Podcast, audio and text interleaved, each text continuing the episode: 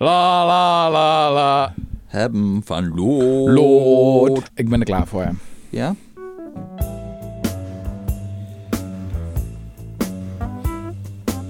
Luisteraars.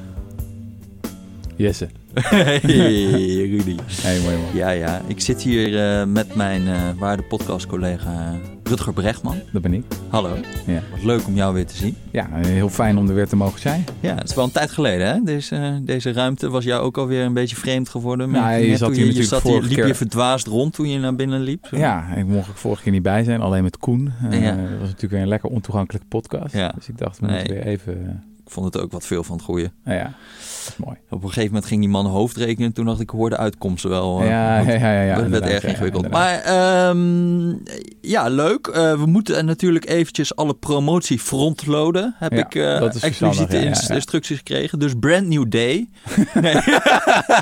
Hello. Fresh. Hello Fresh. Nee, ja, we- je moet lid worden van de correspondent.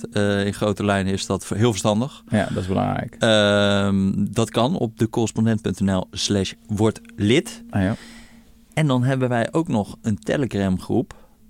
ja, die is wel leuk hè? Die, het is leuk, het is ook chaos. Ja, misschien moeten we toch wat anders doen. Ja, ik weet niet, wij zijn Wat niet helemaal ingevoerd in hoe je dit nou verstandig organiseert. Maar als je daar tips over hebt, want nu is het wel echt 700 mensen die gewoon volstrekt parallele discussies aan elkaar voeren. Ja. Ik bedoel, het is hartstikke gezellig, maar Ik vind het niveau wel hoog, moet ik zeggen. ja. Maar je krijgt ook alweer gelijk eigenlijk wat je op de correspondent ook hebt. Gewoon de theekransdynamiek. Ja, dat uiteindelijk ja, ja, 1% ja. van de mensen reageert en de rest op een gegeven moment zoiets heeft van ja, het zal wel. Moeten we die mensen dan nu even ernstig toespreken? Ik denk dat ze wel weten. Ja, jullie weten wel wie jullie zijn met al je ge- gekke leestekens. Eh, eh, dus, maar het is hartstikke leuk om daarheen te gaan. Ja, hoe kom je daar? Ja, dat zetten we wel in de show notes. Zo doen we dat, Dat is, eh, dat is helemaal top. Rutger, Ja. waar gaan wij het vandaag over hebben? Nou, zoals je misschien weet, ben ik al ehm, een hele tijd mij aan het verdiepen in de geschiedenis van het, de slavernij. Ja. En dan specifiek de afschaffing van de slavernij. Ik zie hier weer een vuistdik boek op, eh, op tafel liggen. Ja. Ook van de Cambridge Library Collection. Ja, dat is mooi. Hè? Dit zijn Ja. de memoires van Thomas Clarkson, een van de belangrijkste abolitionisten. Zo noemen wij de mensen die tegen de slavernij waren. En ehm, ik dacht, misschien is het goed om even een tussendoor podcast te doen. Om te laten weten wat ik tot nu toe heb geleerd. Ja, En ehm, ik zou dat in een lekker zelfhulperige vorm willen doen, zoals Ja. mensen van mij gewend zijn. zo dus ik had we je weer. tijdens het- lezen en het onderzoeken in de afgelopen, ja, waar ben ik inmiddels een ha- half jaar of, of drie kwart jaar ermee bezig, heb ik de elf lessen van de antislavernijbeweging Oké, elf. Gedestilleerd. elf. En dat zijn volgens mij hele waardevolle lessen voor mensen die vandaag de dag de wereld willen veranderen. We proberen het binnen een uurtje te doen, hè? Elf. Ja, ik weet niet of ze ze allemaal halen. Maar- Maar, eh, misschien is het goed om eerst te benadrukken hoe ongelooflijk die beweging was. ja. Dus dat is echt makkelijk om te vergeten. Maar rond 1750 was slavernij een ja, volkomen normaal geaccepteerd fenomeen in de grootste delen van de wereld. Het bestond niet alleen eh, in eh, de koloniën. En natuurlijk had je de transatlantische slavenhandel, dat misschien wel de grootste en ergste vorm van slavernij was. Maar je had het ook eh, in Afrika, je had het in Azië, je had het eh, onder de Native Americans. Het was eigenlijk ja, heel dominant. Mhm. Een dominante vorm van economie eigenlijk. Dat vergeten mensen vaak ook wel. Maar wat de Europeanen deden toen ze slaven begonnen te verhandelen... was ze tapten eigenlijk in op al bestaande slavenmarkten in Afrika. Mhm. Er sommige schattingen dat 20 tot 30 procent van de mensen in West-Afrika eh, slaven was. Nou, dat werd natuurlijk ook nog enorm gestimuleerd door de vraag die er vervolgens ontstond van Europese handelaren. Maar goed, dat is de wereld van 1750. Dat is een wereld waar, nou ja, als je had betoogd van we moeten dat afschaffen, hadden negen van de tien mensen gezegd, ja, jij bent knettergek. ja. En de tiende had gezegd, nou, ik ben het op zich wel met je eens. Het is niet helemaal chic, maar dat kan natuurlijk niet, hè? Ja, Want het gaat tegen de natuurwetten in. Dit is nu eenmaal de natuurtoestand van de samenleving. Het is altijd zo weet je wel. eh, dat kan je niet veranderen. En het is ook de, ec- de kurk waar de economie op drijft. Nou ja, dat is zo'n redenering had je Ja. dan gekregen. En ik ben dus heel erg geïnteresseerd geraakt in de mensen die voor het eerst niet alleen zeiden slavernij is niet oké. Ik bedoel, anti-slavernij heb je eigenlijk altijd gehad. Natuurlijk in de eerste plaats van mensen die tot slaaf gemaakt waren. Mhm. Natuurlijk waren die in heel veel plekken eh, plaats tegen de slavernij en kwamen die in opstand. Bijvoorbeeld, eh, maar liefst één op de tien eh, slavenreizen van, van schepen die over de Atlantische Oceaan gingen, was er een opstand. Dus dat Mhm. kwam echt heel veel voor. Ehm, maar dat is iets wat naar mijn idee niet verklaard hoeft te, hoeft te worden, of nogal voor de hand ligt. Mhm. Maar op een gegeven moment had je natuurlijk ook gewoon mensen die eh, niet, zelf niet slaaf waren en ook tegen de slavernij waren. Maar dan moet je nog een verdere stap zetten om echt abolitionist te worden. Abolitionisten die geloofden dat ze de slavernij voor eens en altijd konden uitbannen. Dat ze het instituut van de slavernij konden laten verdwijnen. Mhm. En wat best wel schokkend en ook een beetje deprimerend is, is dat het abolitionisme super zeldzaam was. Dus in de 18e eeuw ja, had je eigenlijk vrijwel geen abolitionis- abolitionisme in de meeste landen. Mhm. Ehm, Portugal, ja, het standaardwerk over het abolitionisme in Portugal, dat heet The Sound of Silence. dat zegt al veel, denk ik. Eh, Spanje had het bijna niet. Pas na de Amerikaanse burgeroorlog kwam het een beetje op. Frankrijk had je wel wat, maar waren het vooral een beetje theoretische filosofen. Je had eh, rond, eh, wat is het, 1790 één abolitionistische club. En die had 141 leden en werd na vijf jaar weer opgeheven. Nou, Nederland.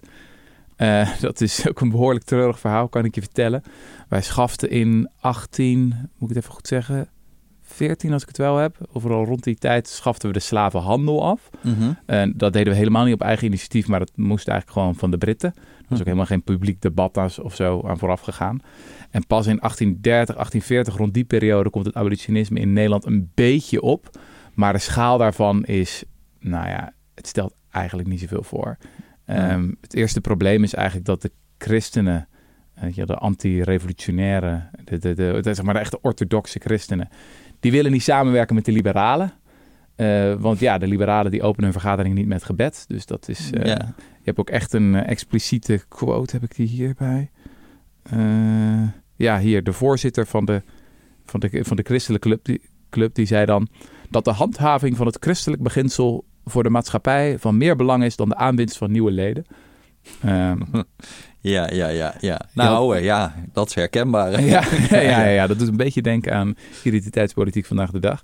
Ehm, nou, je had op een gegeven moment wel wat petities. Dan drie verschillende petities. Van de liberalen had je er een. Je had er eentje dus van de christenen en eentje van de vrouwen. De vrouwen mochten niet meedoen. Dat was trouwens wel de grootste petitie. Mhm. Ehm, maar ja, in totaal ging het dan echt om enkele honderden handtekeningen. ja. Eh, dat was in 1842. Even ter vergelijking. In 1853 had je de aprilbeweging in Nederland tegen de katholieken. Toen werden er 200.000 handtekeningen verzameld. Wat Tegen- wilde die met de katholieken dan? ja, gewoon opzouten. Oké, oké. Daar komt het grofweg op neer, volgens mij. Ehm, dat is sowieso makkelijk om te vergeten. Hoe enorm eh, groot de haat was voor katholieken in grote delen van de Nederlandse Ja, geschiedenis. ja, dat ja, is nu ja. echt zo van, ja, nu is dat eh, gezellig. Ja, maar ja. eh, ja, over, weet je wel, immigrantenhaat gesproken en, en xenofobie. ja, ja, ja. Dus die abolitionistische beweging, ja, stelde eigenlijk niet zoveel voor. Ook in de VS trouwens, daar is natuurlijk heel veel over geschreven.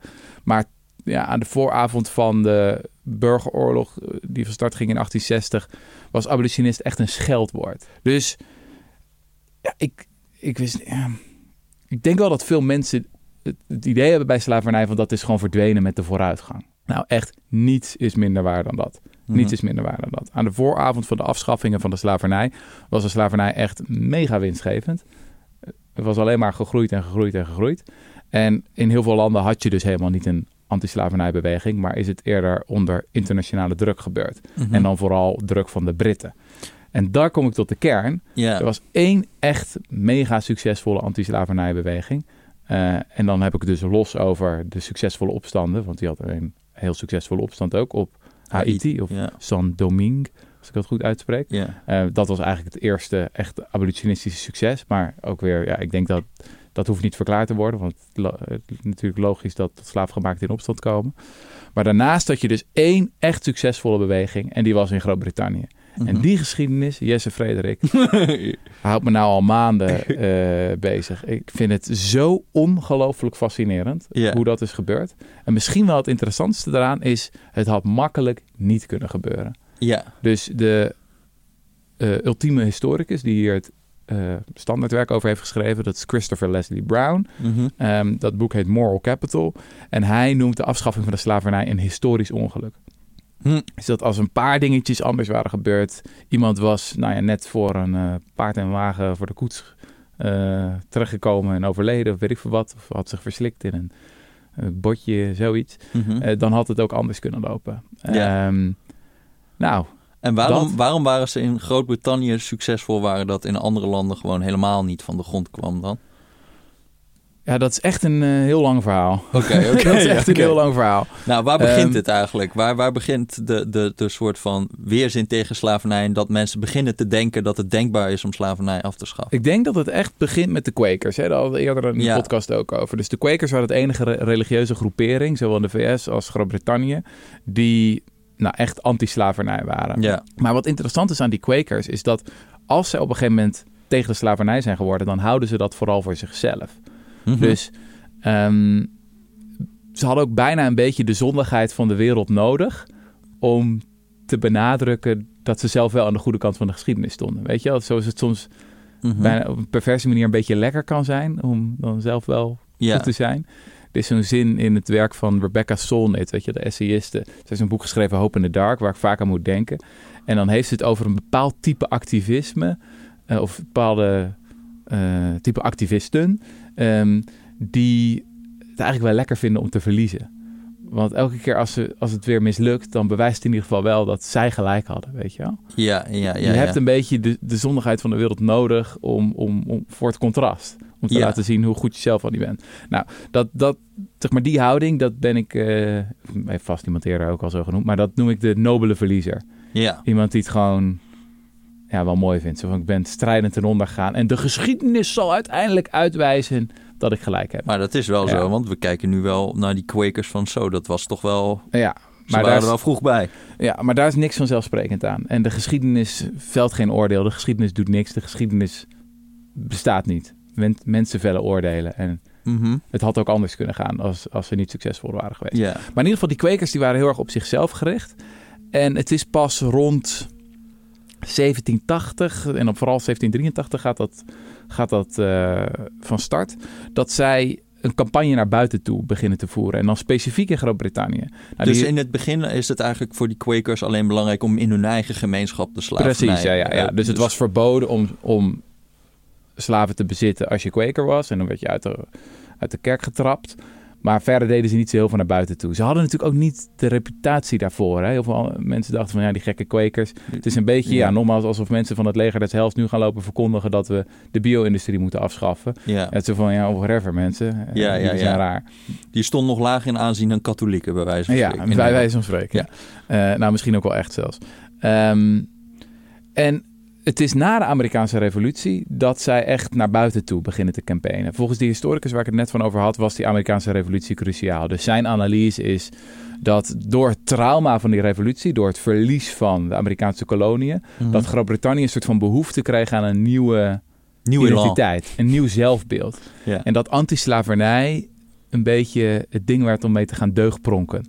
Van wij zijn tegen de slavernij en wij gaan dat verkondigen de rest van de wereld. ja. Ehm, dus die, die, die kwekers die gingen toen pas, die voelden toen ook de vrijheid om dat breed te gaan verkondigen. Zij zijn echt denk ik de motor van die hele beweging in Groot-Brittannië. Dus als je de geldstromen gaat volgen, dan Mhm. komt het daar vandaan.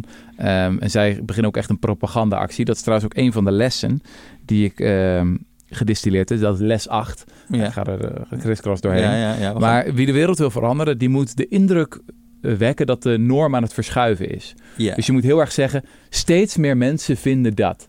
ja. Dat doen veel vegetariërs en veganisten nu ook. Hè? Van die zeggen van plantaardig eten is in opkomst. Mhm. Of dat statistisch ook klopt, dat, dat moet je vooral niet checken. hè. Je moet gewoon steeds, steeds meer... Want dan hebben mensen het gevoel van... Oh, er, er is een trein die is gaan rijden en ik... ja, ik, ik, moet aanhaken. Ja. Ja, ja, ja. Nou, dat deden die kwekers toen heel erg. Ze eh, waren allemaal artikelen aan het plaatsen in kranten, in Londense kranten en, en daarbuiten.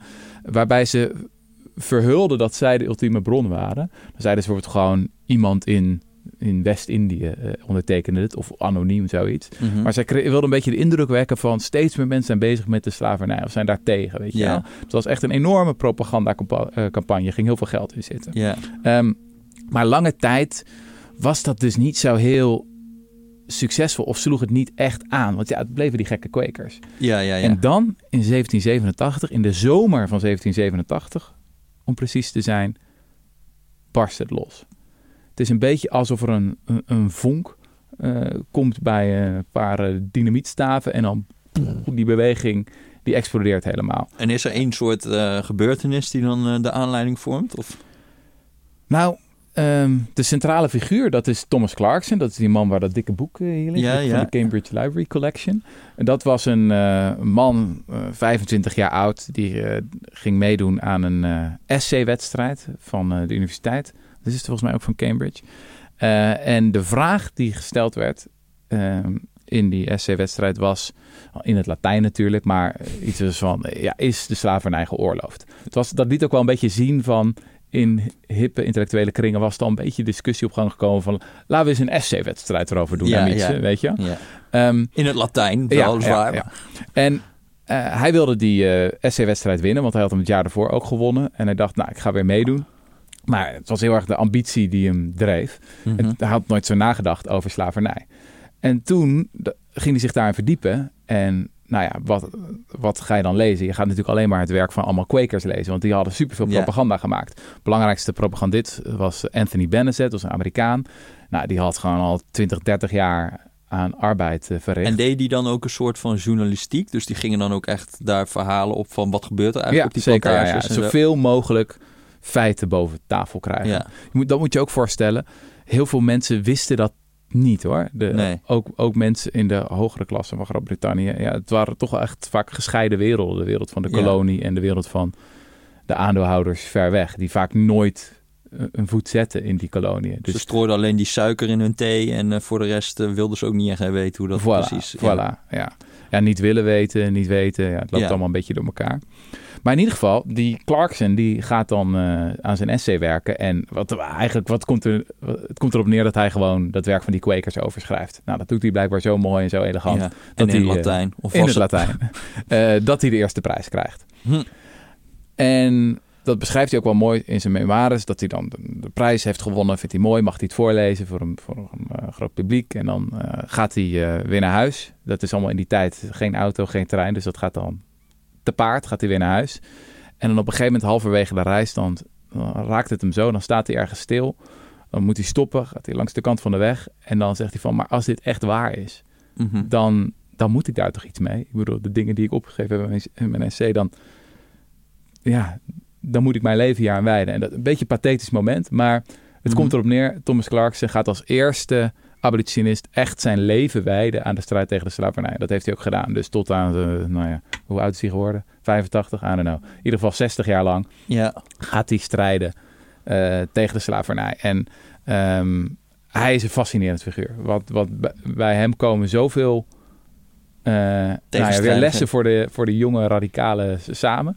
Uh, zal ik er dan ja, zal ik een paar destilleren? Dus les, even kijken, dit is les 10. Nee, les 9. Um, had het eerder ook al een beetje over gehad. Hè, van de, de goede dingen gebeuren vaak om de verkeerde redenen. Ja. Dus dit is een spe, hier een specifieke variant is dat idealisme en ijdelheid vaak door elkaar lopen. Oh. Dus ja, dat, dat herken je totaal niet. Herken je totaal nee, niet. nee. Hè? Uh, uh, Thomas Clarkson, ja, is gewoon een beetje een ijdel figuur. Ja. Die had wel echt zo, ik zei al, een beetje een pathetisch moment. Ook hoe hij schrijft over zijn rol in de geschiedenis van de, het abolitionisme. Ja, hij maakt het wel erg groot. Um, maar tegelijkertijd is dat zelfvertrouwen en die ijdelheid, ja, die waren wel belangrijk. Mm -hmm. Je moet wel ook een beetje zo'n zo'n zo'n zelfbeeld hebben. Als hij meer had getwijfeld en zo'n 25-jarige was geweest, ja, het lukt niet, kan niet. Enerzijds, ja, anderzijds. Enerzijds, anderzijds. Was hij het dan ook gaan doen? Ja. Waarschijnlijk niet. Dus um, dat is iets wat je de hele tijd tegenkomt bij allemaal van die hoofdpersonen in die beweging. Is dat... Ja, Totale overmoed eigenlijk. Intenties zijn overrated. Ja. We zijn zo vaak ons aan het blind staren of mensen wel het goede doen of ze wel... Zijn ze wel oprecht? Doen ze het niet voor het geld? Doen ze het niet voor... Ja. Whatever. Gewoon focus op, de op wat er gebeurt. Hou je ogen op de bal. Uh, dat is volgens mij uh, een, uh, een belangrijke les. Waarbij het soms ook weer belangrijk is dat, dat je niet de hele tijd alleen maar moet, bezig moet zijn met, hoe zeg je dat? Het juiste verkondigen en aan de goede kant van de geschiedenis staan. Dat was bijvoorbeeld het probleem met die Granville Sharp. Die vond slavernij gewoon zo kwaadaardig dat hij dat de hele tijd ging roepen tegen iedereen. Mm -hmm. En daarmee ook heel veel mensen vervreemde. Het lukte hem niet om een beweging te beginnen. Mm -hmm. En je ziet dat de latere succesvolle abolitionisten wel veel meer nadachten over, ja, hoe kom ik over? Hoe zorg ik ervoor dat ik mijn boodschap zo verpak dat het aanslaat? Ik kwam Mhm. nog een mooie quote tegen van Herbert Simon, dat is een psycholoog. Eh, die schreef een boek in 1991. En, en dat is volgens mij een quote die veel wereldverbeteraars vandaag de dag ook in hun oren mogen knopen. Mhm. Hij schrijft: We are all expressionists part of the time. Sometimes we just want to scream loudly at injustice or to stand up and be counted. These are noble motives, but any serious revolutionist must often deprive himself of the pleasures of self expression.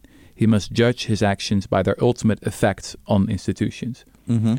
Dus de mensen voor wie je strijdt, of eh, de dieren, of, of wie dan ook, die, die hebben er niks aan dat jij gelijk hebt. Zeg maar. Ja, ja, die ja. hebben er wat aan als jij gelijk krijgt. ja. Als je eh, beweging uiteindelijk effect sorteert. Ja, en kan je een voorbeeld geven van waar dan eh, die, die abolitionisten de keuze maakten van... oké, ik kan nu heel hard gaan schreeuwen dat het allemaal niet deugt... maar ik kan me ook gaan focussen op dingen die echt effect hebben.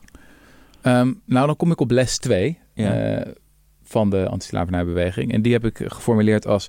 Soms moet je lager mikken om raak te schieten. Mhm. Dus een van de wonderlijke compromissen eh, waar ze mee kwamen... was dat ze expliciet tegen de slavenhandel waren... en niet zozeer tegen de slavernij. Dus ze Mhm. gingen niet pleiten tegen het afschaffen van de slavernij in de koloniën. Want ze dachten dat dat gaat hem eigenlijk toch niet worden. Überhaupt is dat juridisch maar de vraag of het parlement in Groot-Brittannië die koloniën kan reguleren. Mhm. Eh, dat was natuurlijk überhaupt controversieel. Maar de slavenhandel, dat was iets anders. Ik bedoel, daar ging in feite gewoon ja, eh, het parlement in Londen over... van regels waaraan slavenschepen moesten voldoen.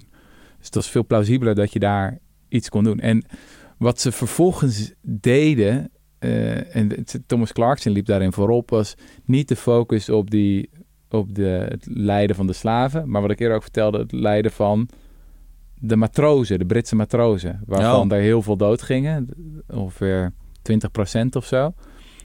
Dat is ook wel weer makkelijk om te vergeten. Ik bedoel, het vergoeilijk natuurlijk niet, maar het was ook echt absoluut ellendig om een, matroos te zijn op zo'n Mhm. slavenschip. En eh, Thomas Clarkson ging in eerste instantie daarop, zich daarop focussen van, ja, dat is gewoon, dat zijn hele slechte arbeidsomstandigheden en ze worden helemaal niet betaald.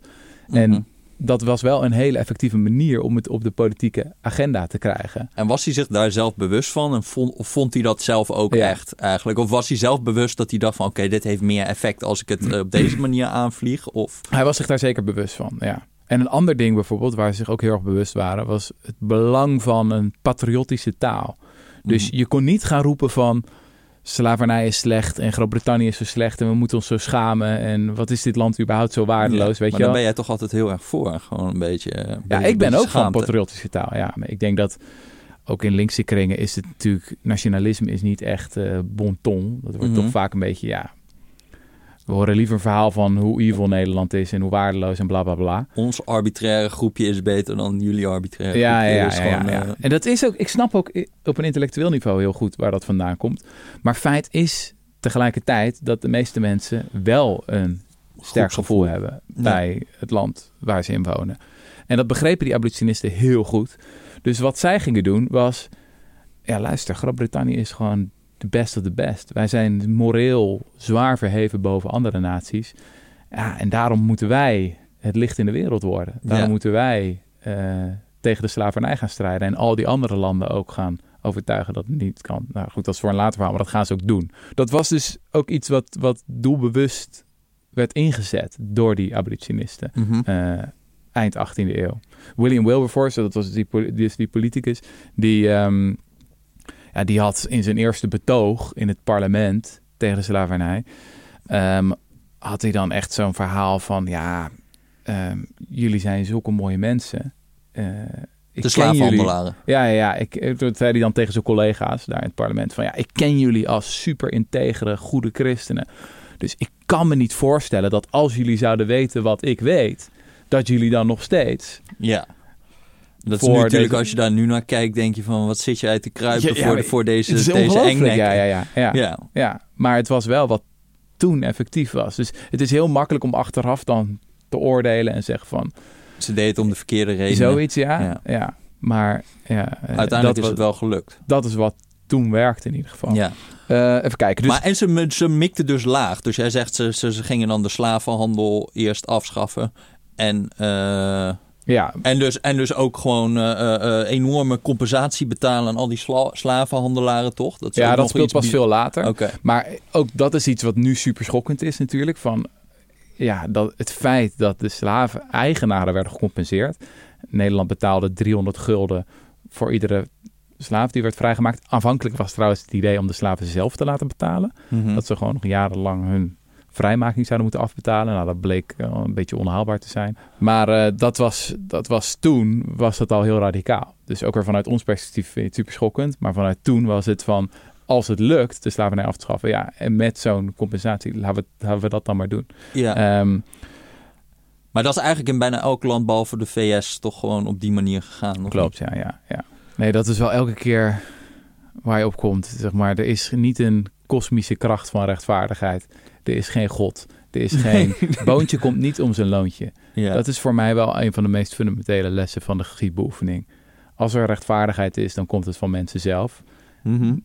Die iets doen, maar je kon echt prima in de 18e Die misschien eeuw... wel geloven dat er een God is, ja, nee, maar dat, Dat is ook zo. wel. Ja, inderdaad. De, ik bedoel, die abolitionistische beweging is knetterchristelijk. Dat moet ik ook meteen meegeven. Ja. En je gaf net ook zo'n voorbeeld van dat in Nederland dan, eh, omdat de liberalen maar niet met gebed begonnen, dat, eh, dat alle katholieken en protestanten afhaakten. Of misschien Ja. wil die katholieken en protestanten überhaupt niet in dezelfde ruimte zijn. Ja, ja, ja. ja. Was dat in, in Groot-Brittannië dan ook een veel bredere coalitie? Ja, absoluut. Dat is echt een van de belangrijkste lessen. Dat is les drie. Coalities zijn ongemakkelijk, maar cruciaal. Mhm. Als je een beweging wil opbouwen, dan ja, heb je gewoon verschillende groepen nodig. En per definitie zullen die verschillende groepen ook verschillende redenen hebben om mee te doen aan die beweging. Mhm. Dus voor de evangelicals, dat waren William Wilberforce en co., ja, die waren vooral bezig met hun eigen zielenhel, met het verspreiden van het christendom. Het ging hand in hand met hun campagnes tegen de alcohol en tegen het vloeken. Mhm. Maar in de zomer dat Thomas Clarkson door heel Engeland ging om eh, tegen de slavernij te pleiten, toen was William Wilberforce ehm, met zijn anti-zondigheidscampagne bezig. En zeggen van jongens, jullie moeten niet meer zo, eh, zo vloeken. Dat Mhm. vonden ze minstens zo belangrijk. William Wilberforce werd aan het eind van zijn leven gevraagd van wat vond je nou, wat is hetgene waar je het meest trots op bent? Toen zei hij, ja, mijn missionarissen werken in India. Eh, chapeau. Ja, ja. Eh, dat was gewoon heel belangrijk dat je die verschillende clubs had in die beweging. Dus de Quakers, de Evangelicals, uiteindelijk ook de liberalen die meegingen doen in, in Groot-Brittannië. En samen konden ze een vuist gaan maken. Mhm. Als jij dan het type activist bent die zegt: nee, ik wil niet samenwerken met mensen die anders zijn dan ik. Mhm. Dat gold dus in eerste instantie sterk voor die Quakers, die nog sterker op zichzelf gericht waren. Dat gold voor die Granville Sharp, die man die eh, van pak een beetje tot 1760 tot 1780 heel actief was. Ehm, maar die gewoon ja, geen, niet samen wilde werken, want hij vond gewoon de meeste bondgenoten, die potentiële bondgenoten, waren niet zuiver in de leer. En Mhm. dit speelde dus ook heel erg in Nederland, waar de eh, orthodox christenen niet wilden samenwerken met de liberalen. Ja, hoe ga je dan een vuist maken? Maar er is zo'n mooi En die eh, Clarkson, begrip, dat is ooit oh. ge- geformuleerd door eh, Sigmund Freud, hè, de psychoanalyticus. Die had het over het narcisme van de kleine verschillen. Mhm. En ook weer een heel, denk ik, bekend fenomeen Ja. voor mensen die in de identiteitspolitieke linkse kringen verkeren. Zo van, ik, ja, ik vind het zo belangrijk dat het, dat het precies op mijn Ja. manier wordt verkondigd, het evangelie. Eh, ja, dat kan enorm in de weg zitten natuurlijk bij het opstarten van een beweging. ja. Eh, mijn grove hypothese trouwens is dat doorgaans rechtse mensen minder last hebben van het narcisme van de kleine verschillen dan linkse mensen. Maar die, laat, die drop ik even. Maar ik, ik denk, ik denk ja, je hebt, maar je hebt natuurlijk in Nederland ook zo'n vrij rijke traditie van kerkscheuringen. Dat wij in Ja, inderdaad, 1944 in, de, in de hongerwinter denken van heeft de slang eigenlijk wel gesproken. En daarom laten we eens eventjes een nieuwe, nieuwe kerk beginnen of zo. Om, om, dat is natuurlijk ook typisch narcisme van het kleine verschil. ja, ja, ja. Als een soort advocaat van de duivel is het niet ook zinvol dat je gewoon een paar groepen hebt van totaal compromisloze... eh, eh, alle intellectuelen naar Tessel. eh, Mhm. we moeten het gewoon de revolutie uitroepen en weet ik veel wat. Zodat dan weer andere groepen zich daar ook weer tegen kunnen afzetten. Mhm. En kunnen zeggen, wij zijn het redelijke midden. Wij staan tussen, tussen jullie en Mhm. de revolutie in, bij wijze van spreken. Kijk eens hoe die mensen roepen. En volgens mij moeten we gewoon rustig de slavenhandel afschaffen. Ja, weet je wel? Dus dat je je daar tegen een soort van de extremen nog kan afzetten. Als Ja. die extremen er niet zijn, dan kan jij ook, zie jij er ook minder redelijk uit. Zo dacht ik er eerst ook al meer over. Mhm. Maar ik denk dat ik dat nu toch een beetje te simplistisch vind. Dus als je je een tijd lang verdiept in de geschiedenis van het abolitionisme, dan ga je op een gegeven moment iets heel anders denken.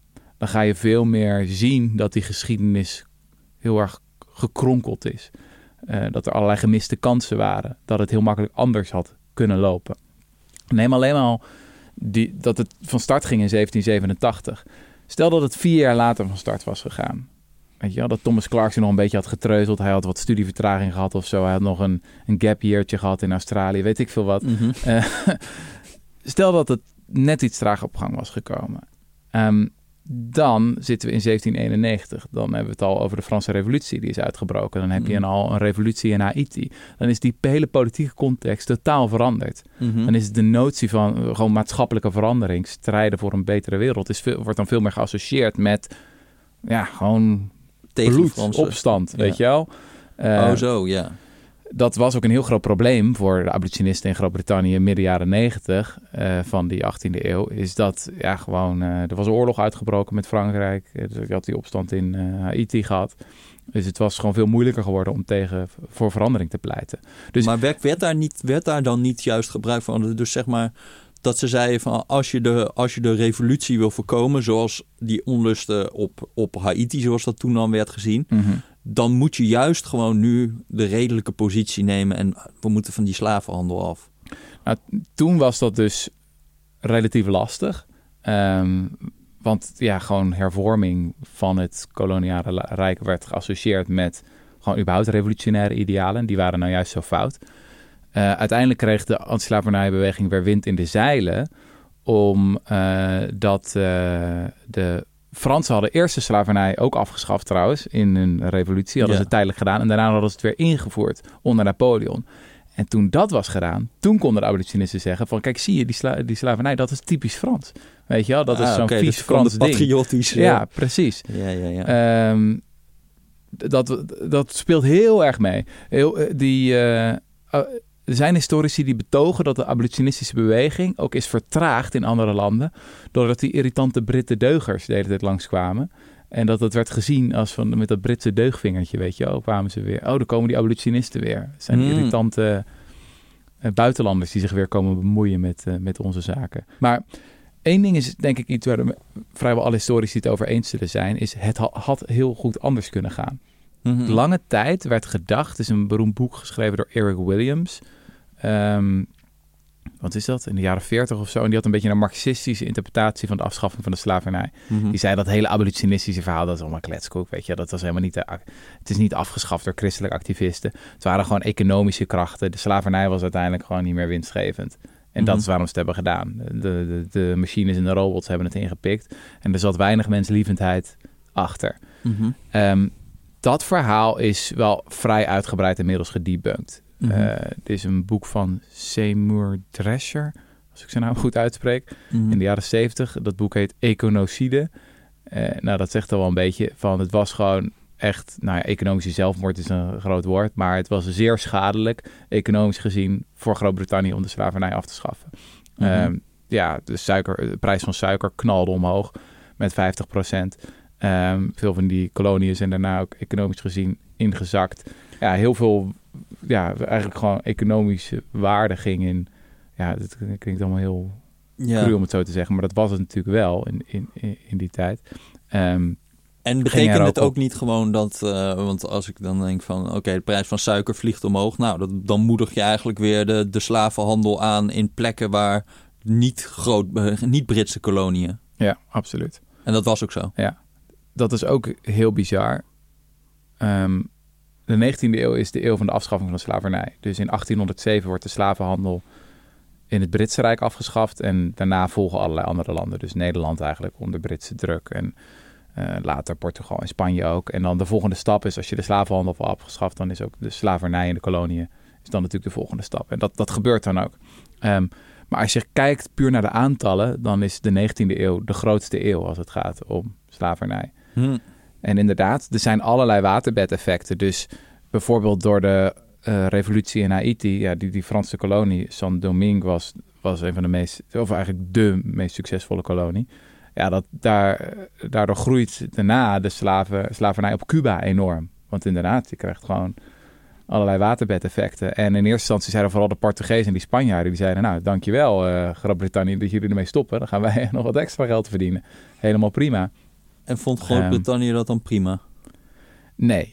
Ehm, dus dat is ook interessant. Is dat nadat de Britten um, om waren eigenlijk... en die, die hele beweging succesvol was geweest... en het had geleid tot een, tot een wet tegen de slavenhandel... en er een staande ovatie was geweest voor William Wilberforce in het parlement. Heel mooi mhm. eh, moment natuurlijk. Um, ook wel ironisch is dat hij dan alle credits krijgt. En Wilberforce is heel erg onthouden. Terwijl mensen als Thomas Clarkson, die ik veel gaver vind eigenlijk, die is vergeten. Of mhm. mensen als Granville Sharp, die kennen bijna, ja, dat zijn niet heel bekende figuren. Ehm, maar goed, in ieder geval, de Britten, de Britten zijn er. En wat gaan ze dan doen? Ze gaan een enorme maritieme campagne uh, lanceren ze in feite. Waarbij ze uh, met geweld andere landen ook willen dwingen om te stoppen met slavernij. Dus er komt de Africa Squadron. Dat zijn gewoon ja, oorlogsschepen die patrouilleren aan de Afrikaanse kust. En die zijn steeds op zoek naar slavenschepen. Wow, uh, oké. Ja, dus er zijn... Het is... Maar dat, dat, dat was dan niet eh, een soort van oorlogsverklaring of zo? Ja, ja, ja zeker. Ja, ja, het was gewoon, wij dwingen, wij dwingen dat af. Uh, zo is Nederland dus ook gestopt met de slavenhandel. Dat was niet echt van... Uh, Die gingen dan uiteindelijk ook een beetje schoorvoetend meedoen aan dat soort, dat soort initiatieven. Um, en Frankrijk uiteindelijk ook. Maar nee, dat is, dat is, er zijn twee historici die noemen het de de duurste morele campagne in de geschiedenis. Want jarenlang heeft Groot-Brittannië 2% van het BBP uitgegeven aan dit project. Nou, wat geven we aan ontwikkelingssamenwerking uit vandaag de dag? Ja, een half procent of zo. Ja, ja, ja. Um, er zijn een beetje verschillende ideeën over hoe succesvol dit nou was. Er zijn in ieder geval een stuk of 2000 slavenschepen gekaapt of, of ja, gewoon uh, gevorderd. En er zijn, wat is het, 200.000 slaven of zo tot slaafgemaakte vrijgelaten. Maar ja, het was gewoon zo winstgevend. Je mhm. had ook nog slavernij in Brazilië en het, het ging gewoon nog steeds rammend hard door. Nog steeds, ook mhm. na die afschaffingen zijn er nog miljoenen slaven dan illegaal vervoerd. En je kreeg bijvoorbeeld ook dingen dat, nou ja, stel jij bent de kapitein van een slavenschip en je ziet zo'n Brits schip in de verte opdoemen, wat doe je? Je gooide al je slaven overboord. En je zei, nee hoor, hier niks. Dus dat heeft ook tot de meest afschuwelijke... Jezus. Ja. Um, maar die, die, ehm, die centrale rol van Groot-Brittannië, dat, dat wist ik niet zo. Maar dat is, dat is wel echt fundamenteel. Dus die, dat die Britse campagne eigenlijk succesvol is. Dan wordt het eigenlijk ook wel weer, als je dan toch de Marxisten uh, volgt. Zo gauw jij eigenlijk een soort van wet hebt, wij doen niet meer aan slavenhandel. Dan wordt het voor, zelfs voor ja, mensen die gewoon heel kil economisch naar kijken, wordt het heel vervelend dat anderen dat nog wel hebben als dat Zeker, ja. ja. winstgevend is. dus dan maak je de coalitie nog breder tot alle zakenmannen en, en die misschien helemaal niet moreel uh, gemotiveerd zijn, maar wel. Uh, ja. Beetje zoals je nu met klimaatverandering misschien ook zal zien dat als Europa de standaarden heel hoog worden, dan willen iedereen, elk Europees bedrijf wil dat natuurlijk exporteren naar de hele wereld. En dan krijg je daar een lobby voor. Exact, ja. Nee, die West-Indische lobby, ook wel de plantocratie genoemd, die sloeg om nadat die wet uh, tot stand was gebracht. Dus die hadden in eerste instantie waren natuurlijk heel erg tegen mm de regulering van de slavenhandel of het verbieden van de slavenhandel. Uh, maar als het dan toch gebeurd is, dan wil je in ieder geval dat het ook geldt voor je concurrenten. Ja. Inderdaad. Um, dus ja, uh, fascinerende geschiedenis. En er zit, ja, er zit zoveel in, naar mijn idee, waar we vandaag de dag nog wat van kunnen leren. Ja. helemaal niet het lineaire proces van mensen worden zich bewust van een bepaald kwaad, mobiliseren zich en stapje bij beetje realiseren ze wat. Nee, veel chaotische proces. Mhm. Ja, ik heb wel een beetje zoiets van, eh, er zit wel iets, iets, iets vreemds in dat op het Britse vasteland het al een beetje taboe was. Mhm. En dat het dan in de koloniën nog wel oké was, waar er misschien eh, ja, ik weet niet of je als je een soort van regressie gaat maken van waar de economische ontwikkeling het hoogst was, dat het toch wat moeilijker wordt om slavernij vol te houden als mensen dat in het, vol in het zicht zien. Ja. Dat weet ik niet, hè, maar dat, Ja. Nou, laat ik het zo zeggen. Hoe meer ik erover lees, hoe meer ik overtuigd raak van de, het toeval. En de, of nou ja, de, de contingentie en van het idee dat het anders had kunnen lopen. Ja, ja, ja. En, en, en ja, uh, Zijn we door onze lessen heen? Ja, ik heb, er nog, ik heb er nog een heleboel, maar deze podcast wordt geloof ik al veel te lang. Ja. ja. Zal ik nog eentje doen? Ja, doe nog maar eentje. Even kijken hoor. Zal ik dan les 4 doen? Of zal ik... Ja, les 4 die zal je wel aanspreken. Ehm, die heb ik nu geformuleerd als ehm, kennis is cruciaal, je moet de details kennen. Dat is iets wat mij heel erg opvalt, is je kan natuurlijk enerzijds zeggen we zijn tegen de slavernij, slavenhandel moeten afschaffen, maar je moet heel goed weten welke wet je wil aanpassen, mhm. welk artikel, welk lid enzovoort, hoe je het formuleert. Thomas Clarkson was er ook een voorbeeld van. Die had, het was eigenlijk een moderne onderzoeksjournalist in zekere zin. De eerste jaren is hij heel erg bezig met gewoon het verzamelen van feiten, statistieken. Hij, hij ontdekte van als, als ik een één anekdote vertel, dan zeggen mensen ja, dat is, uh, dat is een uitzondering. Dat is niet een goede zaak, maar dat is een incident, dat is een uitwas. Mhm. En dus, dus hij besefte van nee, ik moet het beschrijven als een breder fenomeen. Mhm. Dus uh, kennis van de zaak. Ja, ja, ja. ja. Dat, is, dat is ook iets wat mij, uh, wat mij opviel. Maar goed, um, dit waren ze. Ja, ik heb ze nou de helft nog niet gedaan. Maar uh, dat doen we, we in de volgende nog, podcast. gaan we later nog een keer. Interessant, hè? Ja, het is wel echt een fascinerend. Ook wel omdat je... Ik wist die rol van Groot-Brittannië wist ik helemaal niet zo erg. En ook toch dat je een soort van meer het uh, idee hebt van... ja, opmars der beschaving. En op een gegeven moment zal het wel zijn opgehouden. Want men had er gewoon... Het was gewoon niet meer uh, beschaafd om dat ja. zo te doen. Ja, ja. Maar ja. dat dat niet zo... Dat het niet echt zo is gelopen. Nee. En dat allemaal rare... Ja, ja. ja, dat is fascinerend. Oké, okay, nou, uh, dank jullie wel voor het luisteren, zeg ik dan. Uh, wij, uh, wij zijn er de volgende keer weer. Wat gaan we doen? wat hebben we nog op de planning staan? Diederik Samson. Diederik Samson? Diederik Samson. Ja, ja, ja, ja. Dat, dat blijft een... Okay. wij zijn er de volgende keer weer. Doei! Daarbij.